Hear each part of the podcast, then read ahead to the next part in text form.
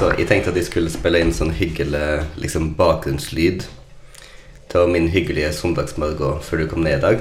Så folk skulle forstå liksom hvor idyllisk det var. Så det er bjalletten som koker opp. Du nå hører lyden av. Um, men så skal det seg på en måte. Jeg så den komme. Jeg bare tenkte at um, For et slående bilde det var på liksom uh, sosiale medier-æraen sin uh, Fordi du, hvis du vil, kan du klippe ut den lyden der. Jeg skal dempe den litt. Det høres ut som det flyger kråker utenfor kjøkkenet. Vi bare det var, Det er veldig stressende å høre på. det var så treffende bilde på liksom ønsket vårt om å portrettere livet vårt på en viss måte. så realiteten bare sparka det i fjeset. Det er det som er litt fint, da.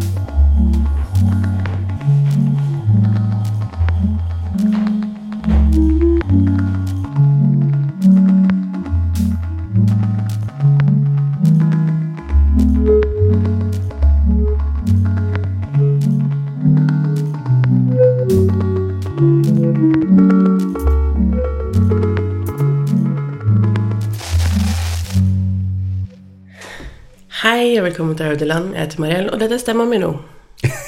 I Jostein, dette er stemma mi. Dette er podkasten vår. Yay.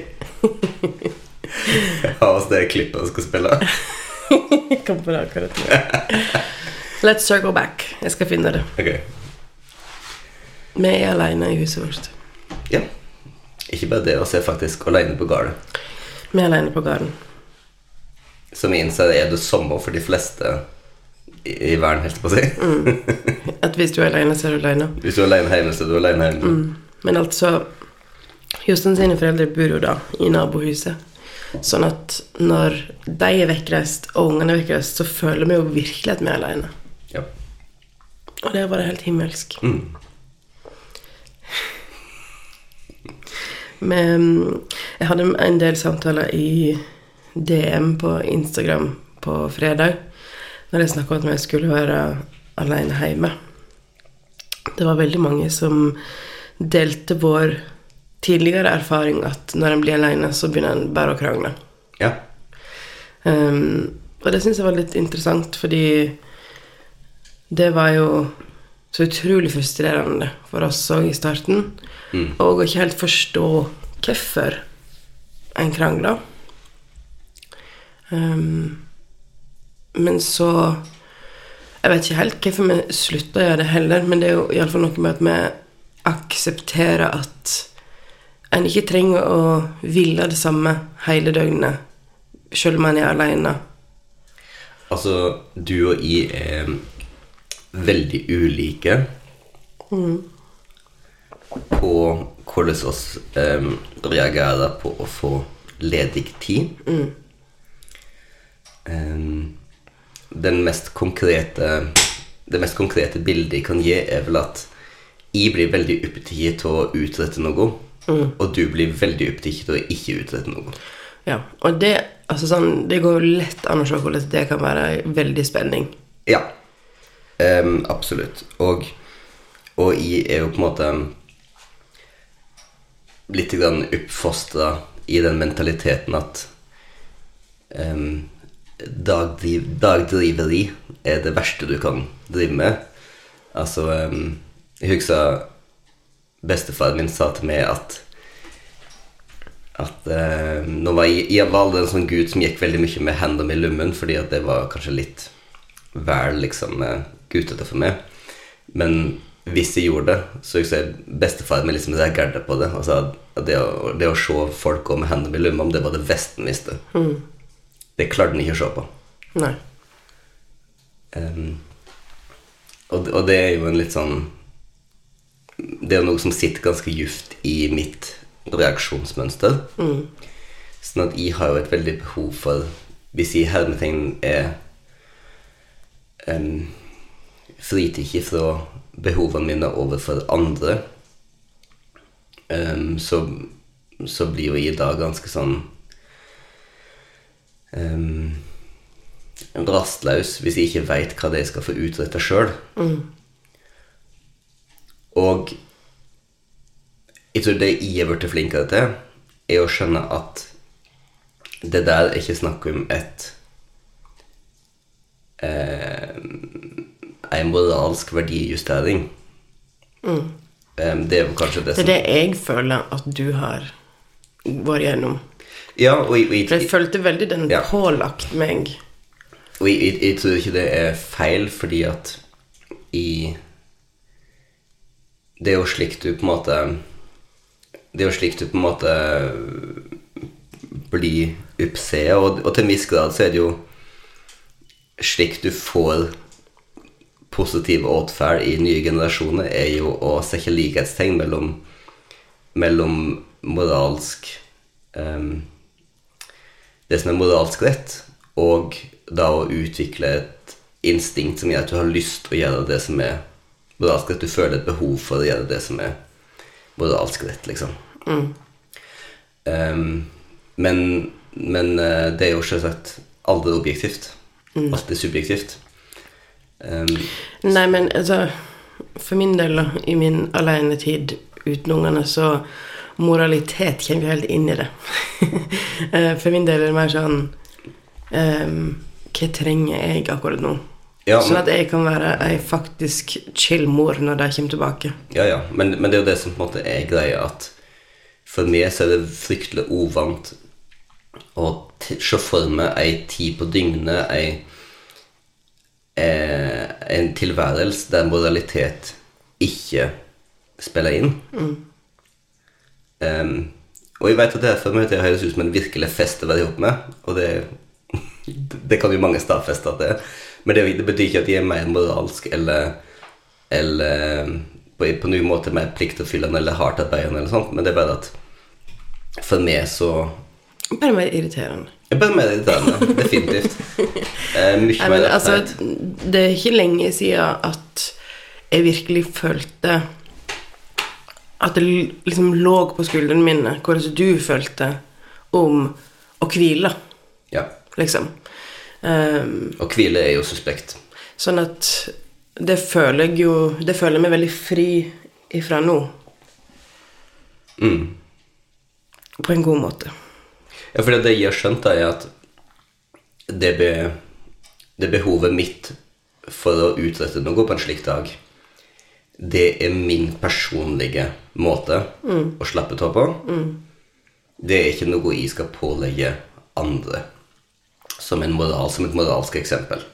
Nei, og heller ikke som en på en måte leder i familien. Du skjønner? Altså, sånn, det, er ikke, det er ikke sånn at den personen som, som føler en sånn urge til å utrette noe, er den personen som skal definere hva alle andre skal drive med. Som Nei. har vært ganske um, normalt i, i mange familier. Ja, og definitivt i min familie. Um, sånn at um, og, og sant, igjen så husker jeg veldig godt så min barndom på en måte at, at f.eks. besten ville komme over til huset vårt, og, og på en måte hvis klokka var halv elleve, og jeg fremdeles var i pysjen, som jeg er akkurat nå eh, Så er det på en måte litt sånn der eh, Er du i pysjen enda? Nå, nå, skal, nå får du kle på deg så ut og gå på tur. Eller ja sant? Hvis det var søndag, så skulle du ikke gjøre noe, men, men jeg skulle definitivt ut og gå på tur. Um, fordi da skulle jeg utrette noe sånt. Det, Innenfor de rammene, ikke sant. In, innenfor Du får ikke lov å jobbe på Nei, du har ikke lov å jobbe, men du skal utrette noe. Um, ideelt sett så skulle jeg selvsagt vært i kirken, men uh,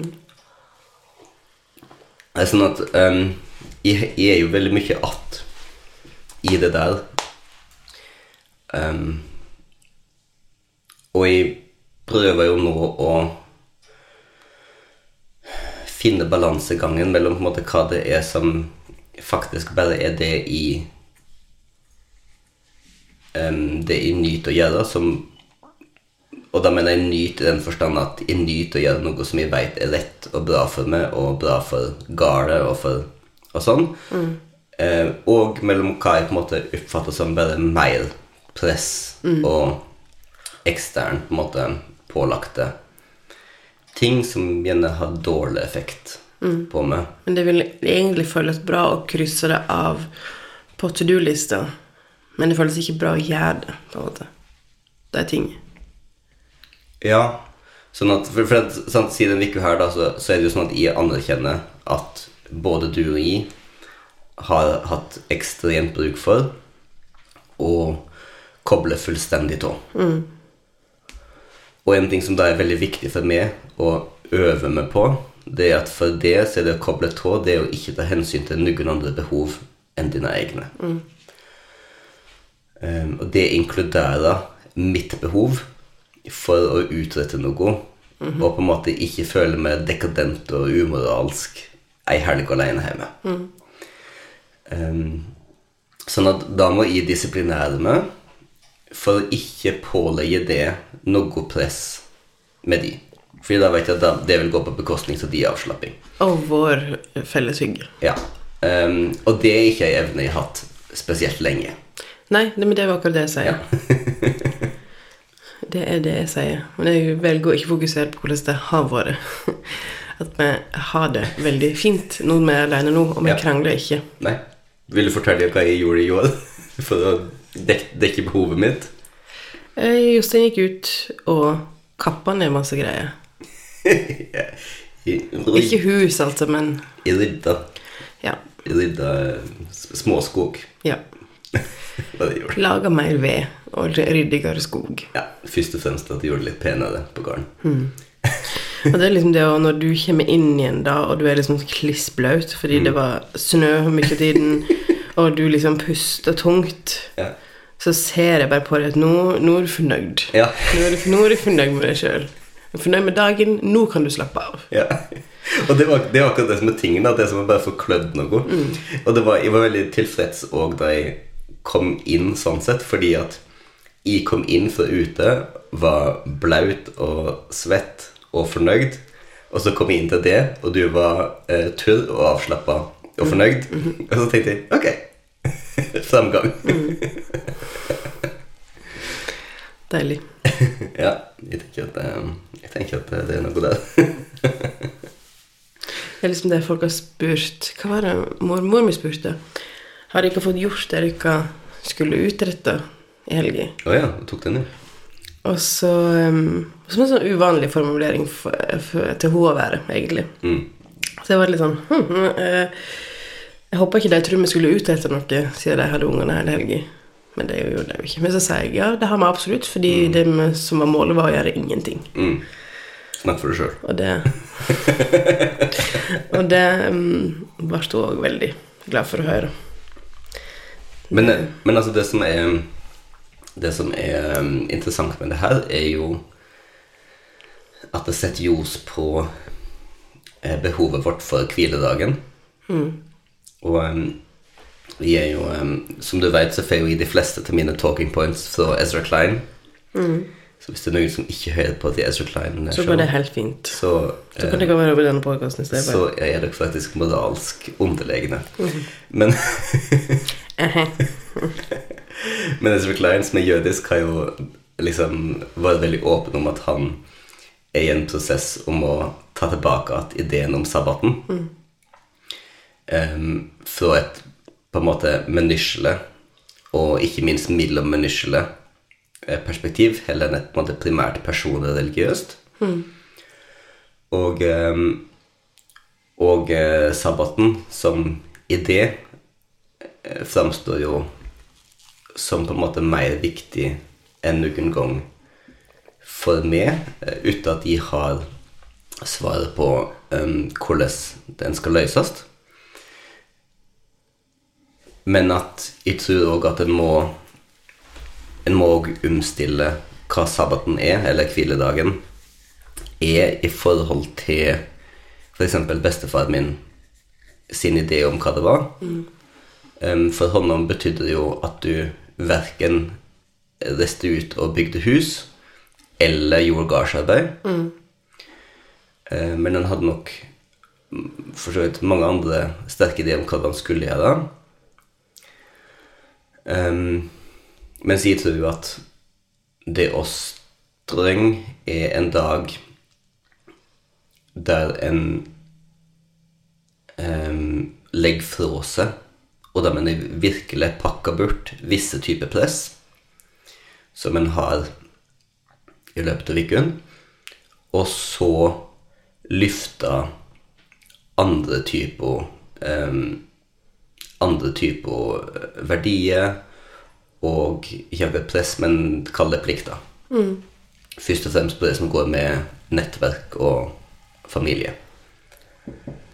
Um, for det er noe som etter mitt syn iallfall forsvinner ut. Det, det er um, babyen som blir kasta ut med badevannet når organisert religion forsvinner ut Mm. Det er møtepunkter med familien og med, eh, med nettverket rundt der du bor. Og, eh, og det er så Det så eh, grunnleggende menneskelige. Og oss har på en måte bare for, Fordi at oss med Altså med en viss rette, vil jeg si, har fjerna oss fra organisert religion de siste 50 årene, eller hva man skal si, så har ikke oss reflektert så mye over hva det er som forsvant ut der. Og det er jo det er flere ting i mennene som er viktige som forsvinner ut her, men, men en virkelig sentral en som jeg føler et skrikende behov for, er jo nettopp det her familiære. Og det å tå helt mentalt fri fra de tingene som er opptatt um, i, i Mm. Så um, Men jeg føler at det er en tendens til å på en måte se ned på den typen ting som litt sånn der um, Altså, da mener jeg ikke personer, men kanskje som samfunn. At det er en tendens til å se ned på det som litt sånn der primitivt. Eller nesten sånn eksotisk. Når vi liksom ser det i Altså for eksempel hvis vi ser liksom på Sopranos eller et eller annet sånt, da. Altså det der at de liksom tar pause for å drepe folk og sånn. Fordi at nå er det søndag og skal ha familiemiddag. Em, og, og litt det samme med skildringer av visse jødiske familier. Altså vi hadde og så Uncut Gems i år. Uncut Gems. Um, som vi skal snakke om senere. Men, men der også, så oss jo da på en måte to personer som var i veldig voldelig konflikt med en annen. mm. Treffes på, eh, til et stort familieselskap i påsken. Um, og på en måte Jeg skal ikke si at de akkurat slo av businessen, for det gjorde de ikke, men jeg tror begge to hadde hatt godt av det. Hvis det er lov å si. Men det er jo noe med sånn at uh, konteksten du er i, går inn og overstyrer at du tror at du sjøl kan bestemme at du ikke trenger hviledager, på en måte. Ja. Eh, Jeg hadde en samtale med en venninne nylig som har fått ny jobb, og som hun veit, og jeg veit, og jeg sier at hun er altfor tilgjengelig for jobben. Right. Og hun sier at det går helt fint å tilpasse liksom, arbeidstimene mine hver dag, og jeg kan jobbe to timer, og så ta en pause, og så jobbe yeah. liksom, seinere på kvelden, eller whatever. Um, og hun har unger, og, og et liv, sant? Liksom et faktisk liv utenom. Og så har hun kanskje starta for hardt da, i den nye jobben her, og vært så veldig um, flink. Mm. Um, og nå sitter hun litt i dritten fordi at hun ikke har faktisk helt normale grenser, sånn som alle andre på arbeidsplassen hennes har. Fordi at hun er så tilgjengelig. Null stress, null problem. Hun kan jobbe klokka seks om morgenen og klokka elleve om kvelden. Um, det var litt interessant, fordi det var noen som En fyr som jobba med oss, som hadde vært sånn Du får oss andre til å se dårlig ut når du mailer sent på kvelden og tidlig på morgenen. Um, som er jo en helt annen ting i seg sjøl, men Men da å å se på hvor sliten hun er, selv om hun ikke jobber mer enn de timene hun skal, Og det er jo et veldig viktig poeng der. Fordi at hun jobber ikke mye overtid. det er ikke mye, altså sånn, Hun logger timene sine og jobber de timene hun skal. Men hun er så mentalt utsletten. Som at når jeg forteller henne at hun jobber for mye, og altså for my mye tid blir brukt mellom jobb og ikke noen avgrensninger avgrensinger, så sier hun nei, men det går helt fint. Men med gråt. Ja. Um, og jeg tror det er litt spennende for meg at noen som har en, måte, en fast jobb og I hermetegn 9-4-jobb. 9-4-jobb, som heller ikke Som havner i en posisjon der de ikke klarer å um, skru av. Ja. Og dette er, jo, dette er jo en av de på en måte store tingene som Det var en utvikling som var veldig sterkt på vei, og så veit oss um, liksom både fra forskning og, og anekdotisk bevis at en, en effekt som er veldig forsterka etter pandemien, fordi at um, det at folk nå jobber hjemme for mye mer, betyr òg at de har alle, alle de devicene og alt sånt som hører til jobben, er med hjem. Sånn at du er Du er på en måte helt konkret tilgjengelig mye mer. Og den usagte Ofte usagte, ikke alltid, men ofte usagte forventninger om at du skal sjekke e-posten. At du skal ha push-varsel på, e på jobb-e-posten. Sånn. um, det, den er der hele tida. Og du risikerer alltid at den blir brukt som et kon konkurransefortrinn mot det. Em, altså når det er snakk om forfremminger eller på en måte nye jobber eller altså På en måte den, den greia med at Og ja, det, at du alltid svarer Og det at du alltid svarer sent på kvelden, f.eks. At, du, at du er på slacken sent på kvelden, liksom, er en sånn ting. Um. Men jeg tror det er mange som blir litt lurt inn i den der òg, fordi at det er ikke nødvendigvis det at de blir Kanskje det er en type folk, og så er det en annen type folk som tror at det at de bor Nei, at de jobber hjemme, gir dem mer fleksibilitet, ikke sant? Sånn, å, så deilig at jeg bare kan sette på en klesvask mens jeg er på jobb. Ja, og og så det- plutselig så forsvinner en halvtime som du må ta igjen på kvelden. Altså, det er jo ikke ikke sant. Nei, det er ikke ikke. Det er det som gjør det vanskelig. Ja. Du skal være så tydelig i deg sjøl og med jobben hvis du skal klare å holde de grensene der, og likevel ha fleksibilitet, og likevel klare å hvile. Og det jeg tror mange opplever, er jo at det at de kan jobbe mer hjemme, gir dem en fleksibilitet som de faktisk hadde bruk for. Det vil si at for mange så gikk ikke livet helt opp. Før nå er det litt enklere hvis ungen blir syk, eller på en måte, ja, som du sier, å få sett på en klesvask um, nå og da. Men kommer det med en pris? Kommer de praktiske fordelene med noe som gradvis sliter ut enda mer mentalt?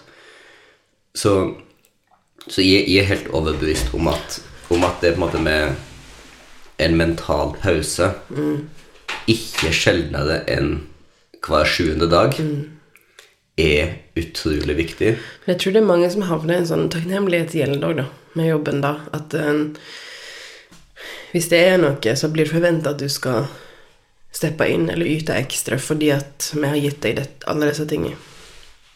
Ja, det er jo sikkert Det er sikkert mange som på en måte har det sånn. Så, men, men jeg tenker jo òg at Jeg tenker to ting. I, i, for det første så blir jeg mer og mer for isolasjon av ulike um, digitale samfunn. si.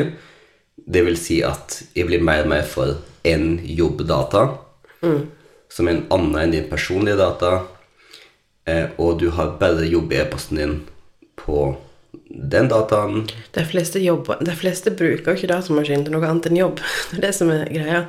At Det er jo ikke når, sant. Jo. Ja, ja. Men, derfor, men, derfor mange, men altså for dem til oss, da, for eksempel, som Du og jeg er jo på dataene våre absolutt hele dygnet. Um, og oss er ganske dårlige til å skjølge personlige og jobb-e-postadresser, f.eks. Mm. Um, Jeg har ikke personlig e-post. Det er ikke en ting, liksom. Det er ingen Nei. som mailer meg for kosen sin del. Altså, det er ingenting Jo, men altså, det, det som er tingen er hvis du skal Hvis du skal kjøpe et eller annet på nett, da, så har du Skulle du ideelt sett hatt ei e-postadresse der der det ikke var noe jobb. Sånn, jeg, jeg har prøvd å Jeg har prøvd å gjøre det mer og mer, men jeg er ikke sånn superflink til det. Men altså, jeg er sånn nå liksom at gmailen min er forholdsvis privat. Og så er liksom den eh, Den som heter domene, nettdomenet vårt, er på en måte nå det meste til jobb. Men, men liksom det å gjennomføre det er veldig vanskelig, og det å klare å motstå fristelsen til å åpne Outlook på Mac-en min når jeg er hjemme, er veldig, veldig vanskelig. Bare. Ja. Sånn at jeg flørter liksom med tanken på at neste gang jeg skal kjøpe meg en ny datamaskin, så skal jeg um, skjølge dette mye hard, hardere. Jeg vet ikke om det er realistisk, men, men jeg flørter iallfall med tanken. Men for dem som på en måte har en veldig konkret sånn av og på forhold til jobben, da, som skal ha det, der mener jeg at dem, dem bør og skal en gjøre dette der. Skjølge tingsrådene i digitale samfunn. Sånn at hvis, hvis sjefen vil ha tak i det en sånn dag, så må sjefen din ringe det. Og det er bare så upassende at det Jo, men, men for da er på en måte forventninga Da da er det noe som brenner en plass, liksom. Ja. sant? Hvis det, altså, men da mener jeg hvis det ikke er noe som Ja. faktisk brenner, så er det så upassende for, for sjefen din ringer deg Men, da, men er på fredagskveld. det er akkurat det at da har du på en måte den muligheten til å si, si på mandag Men du vet hva, du kan ikke ringe meg på fredag kvelden eh, med mindre det er noe som er virkelig viktig. sant? Mm. mens det å velge å svare på en e-post har mye mer uklare forventninger. Implikasjoner, egentlig. Ja, fordi, fordi at du Sjefen din kan si at jo, men det er jo ditt valg om du vil se på den eller ikke. Um, og du kan, du kan tenke, men du kan nesten ikke si at Veit du, jeg tror ikke det er helt mitt valg. For jeg tror at hvis jeg ikke svarer på det, så, du det, så lager du det i din lille Men, boks. men jeg sier det til mine ansatte hele tiden. Hva da? Hvis jeg sender en melding til deg på en måte på kvelden eller, altså mye, mye av det som skjer i organisasjonen i bakeriet, det skjer på kvelden. For den tiden fins ikke på dagen for min del. Og det, er- det er realiteten av vi jobber for seg sjøl. Ja, Pluss plus at det må også si at du kan ikke utsette alt til neste morgen, fordi at ofte må den informasjonen være inne før klokka halv seks. Ja. Um, men det som skjer da, er at jeg sender melding til deg på kvelden. Um, og da på en måte egentlig håper at jeg ikke skal åpne den meldingen før de kommer på jobb dagen etterpå. Det er jo bare sånn Jeg, med min hjerne, trenger å få gi dere den informasjonen her. Fordi at det som skjer hvis jeg ikke gjør det, er at den informasjonen legger seg en annen plass. Eller at jeg tror at jeg har sagt noe fordi at jeg har tenkt tanken fullt ut. Um, sånn at det ryddigste er at jeg sender en melding der det, basic, der det står i starten 'Ikke les dette før de kan komme på jobb'. Ikke svar meg. Liksom, det har jeg skrevet så mange ganger, og det mener jeg virkelig. Um, Men jeg, jeg, tenker jo at det er lettere for meg òg, fordi hvis de begynner å svare meg, så er det plutselig en samtale som jeg må ha sent på kvelden.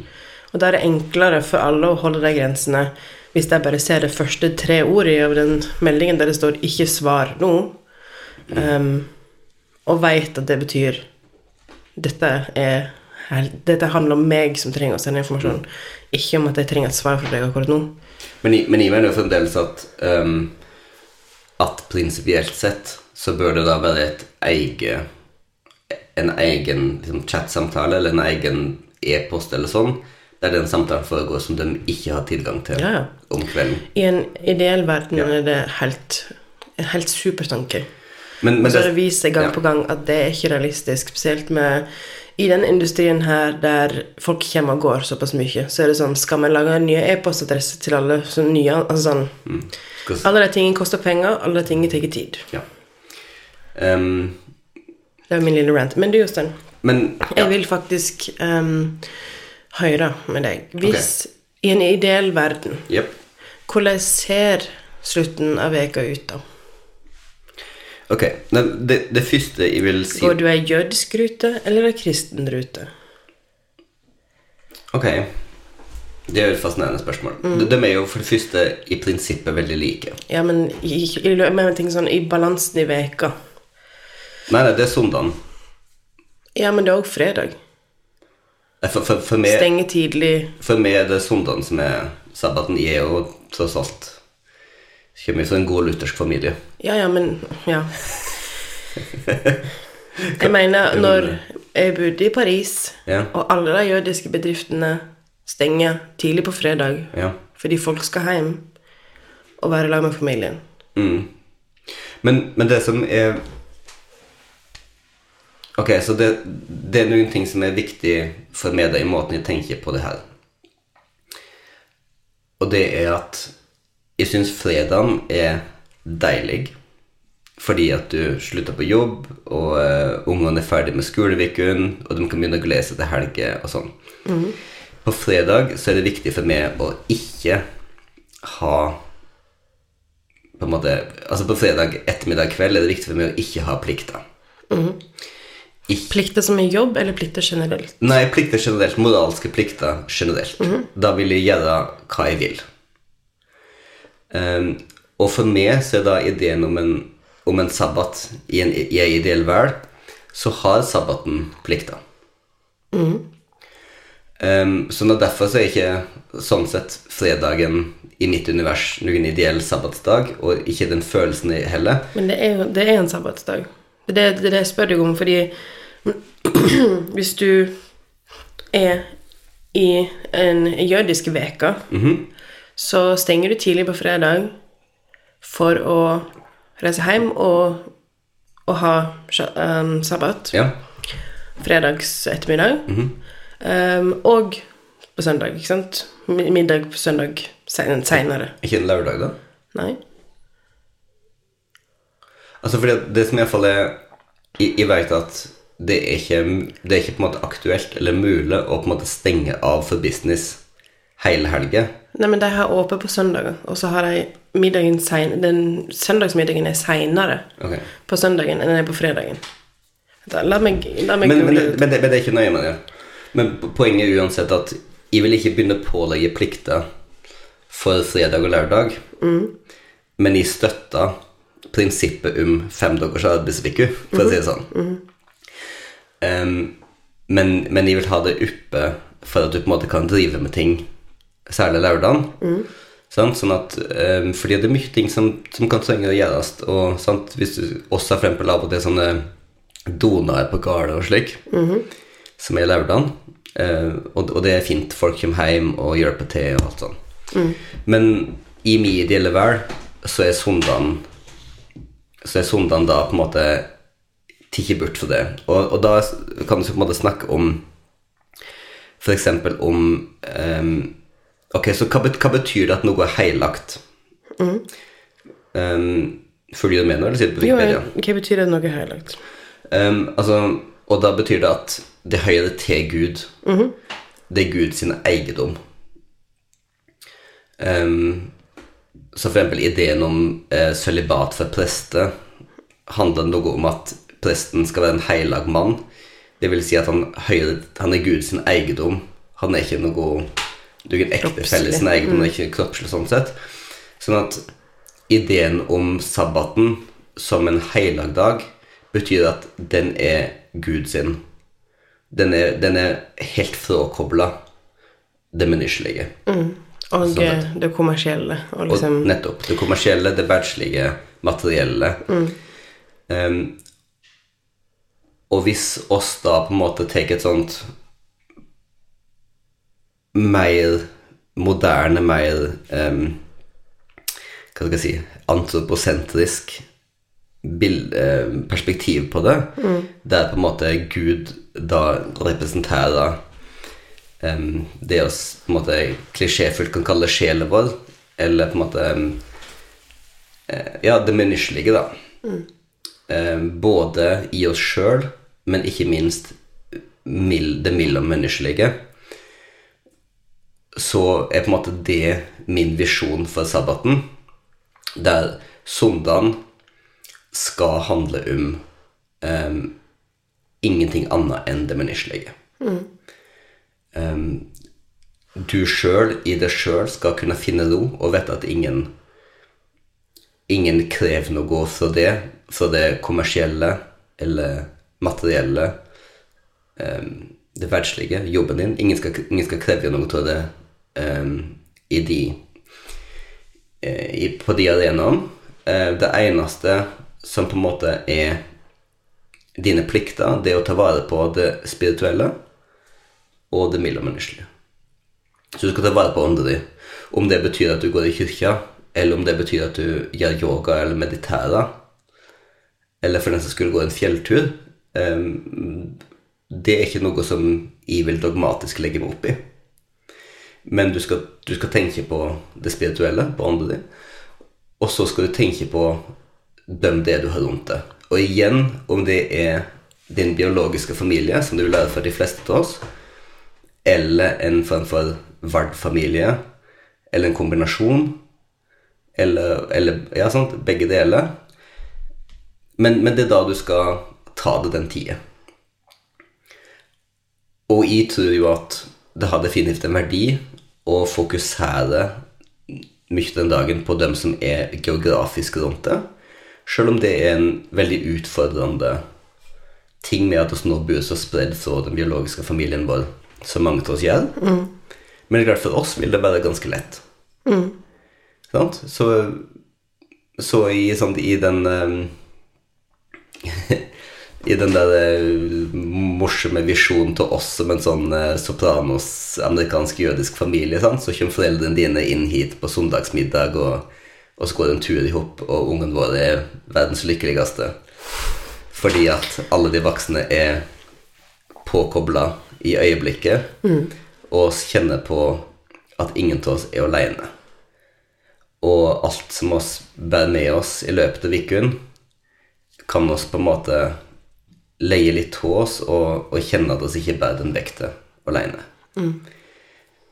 Og, og dette, er, dette, er, jo noe av det som er kjernen i den kristne søndagsgudstjenesten. Mm. At du kommer til søndagen, og så legger du av det det du har båret med deg. Mm. Du vet at det kommer en mandag igjen, men, men søndagen så legger du av det det som du har hatt med deg. Jeg vet ikke hvordan det er i liturgien andre plasser, men i vår, liturgi her i Lærdal så er det ganske ofte sånn at eh, presten legger fra seg en, en, fysisk stein på alteret som eh, en manifestasjon av de bødene som vi skal legge av oss når det kommer til kirkesonene. Og det tenker jeg er en, en, veldig god metafor for det også ikke har bruk for at hviledagen skal være.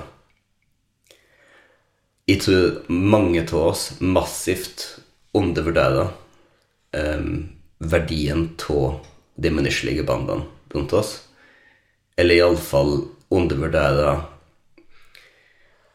hvor regelmessig um, de skal pleies med tid og fokus for at de skal kunne ha den um, betryggende og roende effekten som de kan ha.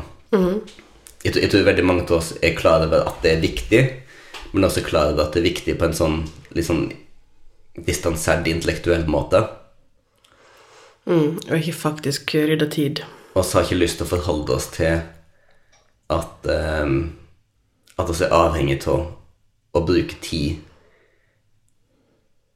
og sette av tid og fokus på de folkene som er rundt oss. Mm. Fordi at det gir ikke noe konkret. Det gir ikke penger i kassa eller, eller status eller mm. sånn.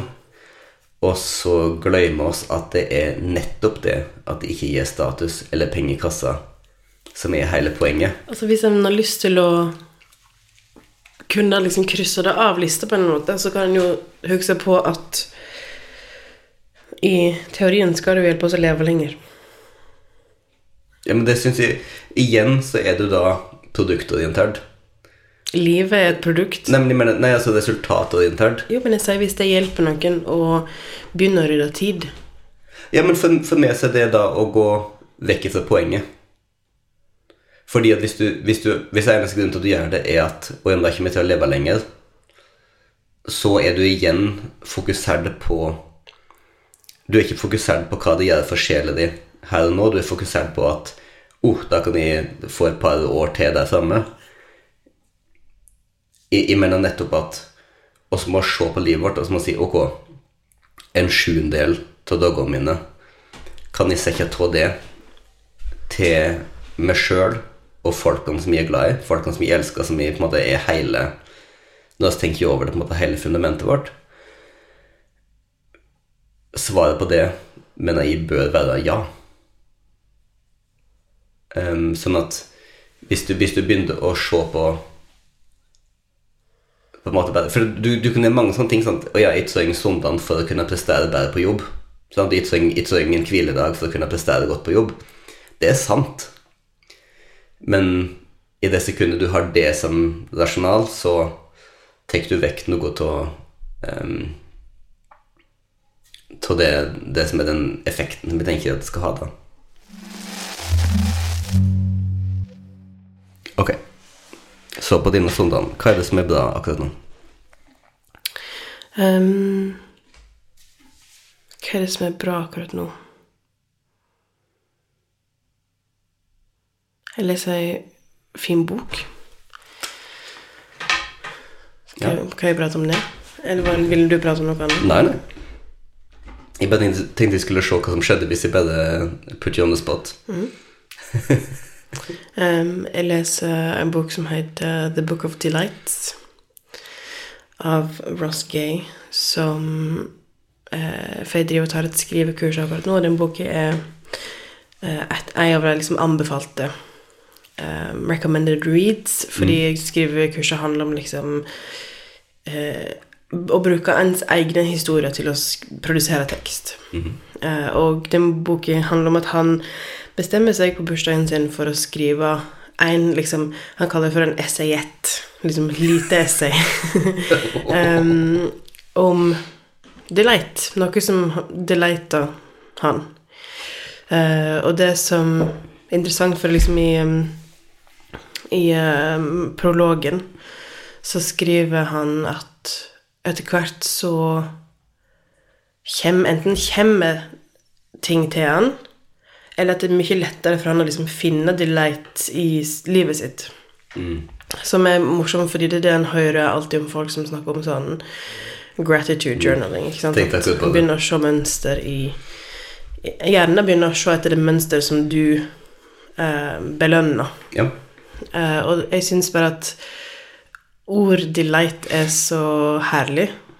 Fordi mm. det betyr både en slags glede, men òg fascinasjon. Mm. Det er et lag av det der.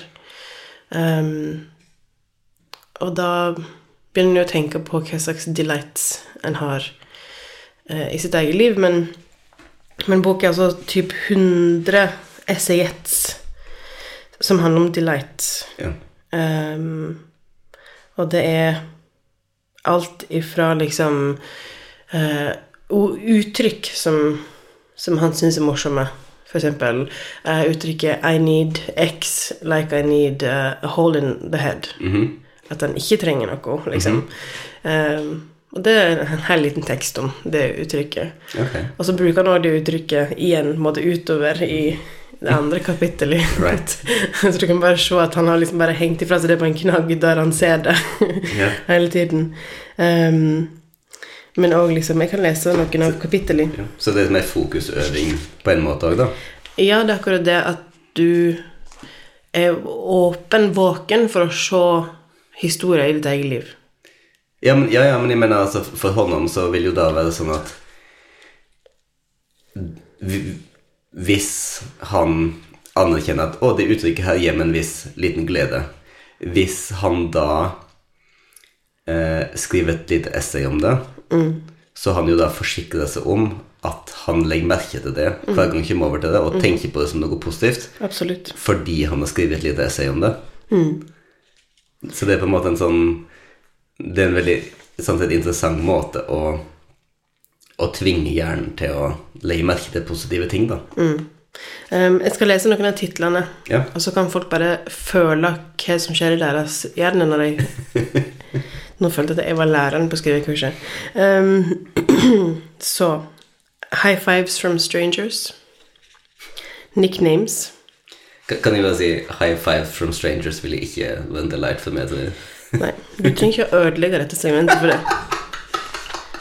Um, airplane rituals. Det liker jeg. Inefficiency. Det må vi nettopp snakke om.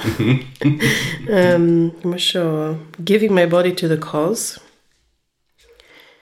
Um, bird feeding. The sanctity of trains. Kombucha in a mid-century glass. Veldig spesifikt. Um, ja, det er så masse. Uh, pulling carrots. Bobbleheads. Found things. Som jeg føler at det er en sånn veldig ting for unger, men som er på en måte bare whatever, går forbi ting som ligger Faktiske objekt som ligger på, på bakken eller i, mellom steiner eller Men vi har jo en fireåring som har lommene fulle av ting å finne ute. Ja, men det er klart at du, er, du har jo også et sånn fortid med jeg holdt på å si, found things. Sånn at jeg tenker at du er, føler deg kanskje litt ferdig med finding things. Jeg mener Jeg getting rid of things. Jeg føler at selv om man ikke tar det med seg hjem, så er det likevel noe med de tingene som en finner som har tilhørt noen andre. Som er veldig Som kan vekke veldig mye i meg. Selv om det betyr ikke at jeg må ha de tingene lenger. Nei. Men det, jeg skal si at det, det jo en ny internettkultur der folk finner ting. Altså, det er så masse um, innhold på Instagram, eksempel, av folk som går ut i, um, i steinene på strender og finner biter av porselen som de tar med seg hjem. Eller som eh, leter etter gull, metalldetektor. Um, det er folk som bruker sånne svære magneter som de slenger ut i kanalene i Amsterdam. Og drar opp liksom sykler, safer, eh, liksom masse mobiltelefoner. Så det, mm, det er jo veldig mange som deler den, den ideen. Så er det selvfølgelig masse rare tanker som Eller altså sånn Hvis du finner en sykkel i kanalen, hva skal du gjøre? Skal du hive den ut igjen? Eller måte, Det, det er mitt store spørsmål. ja.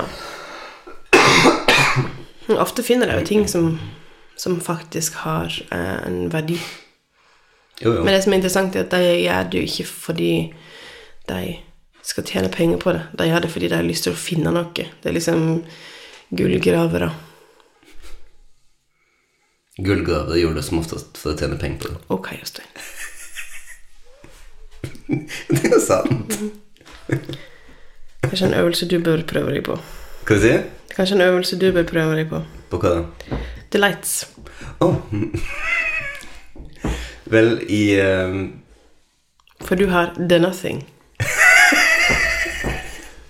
The Very Heavies. Jeg kan ikke se for meg engang at du sier sånn Er ikke det bare så fint at Sett inn anything. Mens når jeg sier noe, så er det sånn eh, Faktisk så Vass ballong. Hva er min delights? Jeg har noen delights. Hva da? Kaffe. Nei. Jo, sånn eh, Hvis jeg liksom er aleine og logger med en aeropress for meg sjøl. Ja, men kaffe er òg et veldig behov du har. Ja, men jeg har, ikke, jeg har ikke behov for å logge en god aeropress, eksempel. Nei. Jeg har behov for å styrte noe koffein i halsen. Hvorfor er du irritert på meg, Marielle? Fordi Er det fordi jeg er så aleine hjemme? Nei. Det er fordi du minner meg på hvor irriterende du kan være. Jeg, ehm, jeg, jeg leser jo ei mye tyngre bok akkurat nå. Ja. Delightful. Som jeg har tenkt å eh, delighte meg sjøl med å lese sida. Så, eh, men eh, Men jeg har jo jeg har ganske nylig lest ei sånn lignende bok, som er den School of Life-boken som heter Small Pleasures. For tre år siden, ja. Nei, for kanskje ett år siden. Kanskje to år siden. Um, som jeg går på det samme, men med litt mer med litt mer josteinsk perspektiv. La meg bare sette det i tidsperspektiv for deg. Du fikk den boka av meg før vi hadde School of Life på butikken her nede. Så kanskje to år siden. Men, eh, men iallfall det der er litt mer kanskje sånn eh, på en måte med akkurat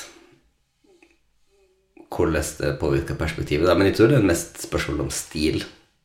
Ja, men det er òg på en måte personlig connection for den personen som skriver òg, fordi at i den boka har du ikke noe um, Du får ikke noe personlig innsikt i den. Nei? Det er bare en liste over på en måte ting som Ting som kan være spark joy, da. Ja, ja. Men, men du vet jo Du kjenner jo til min dype skepsis til personlige perspektiv og historie Ja, det jeg plukker opp det. Det er jo en, en av mine delightful kvaliteter. Det er sånn delight. Ta lyset ut av det.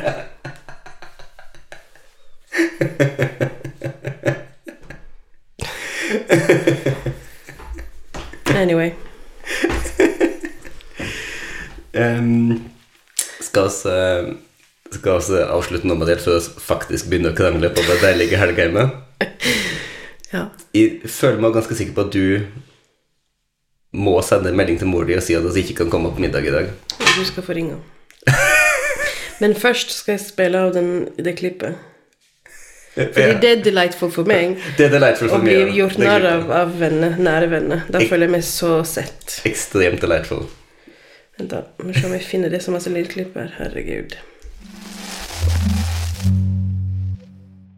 Klar? Ja. Ja, er vi er Jeg vet ikke jeg er om vi er helt klare, men Nei, jeg vet ikke. Nå har vi jo akkurat krangla, men uh, ja. Uh, ja, vi får kanskje bare ja. fyre løs. Fyre løs. Um,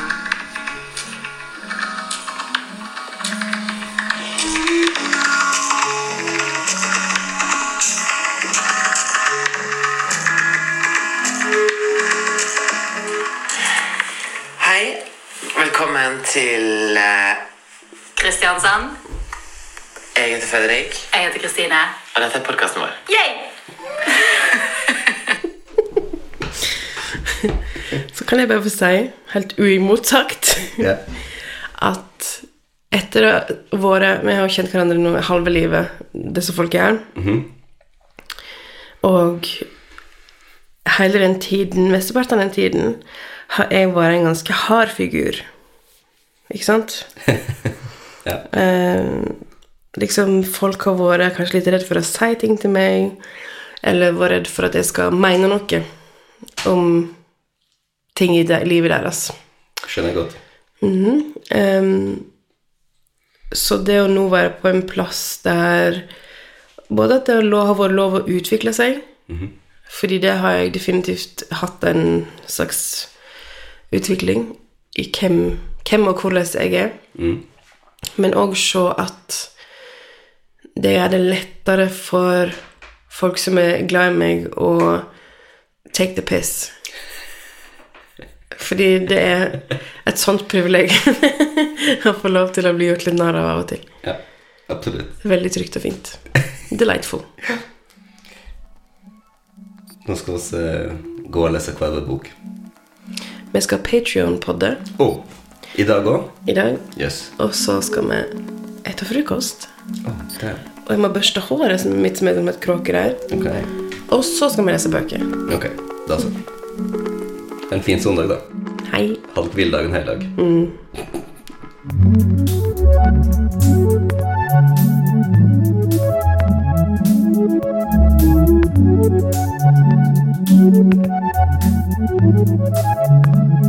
Thank Thank you.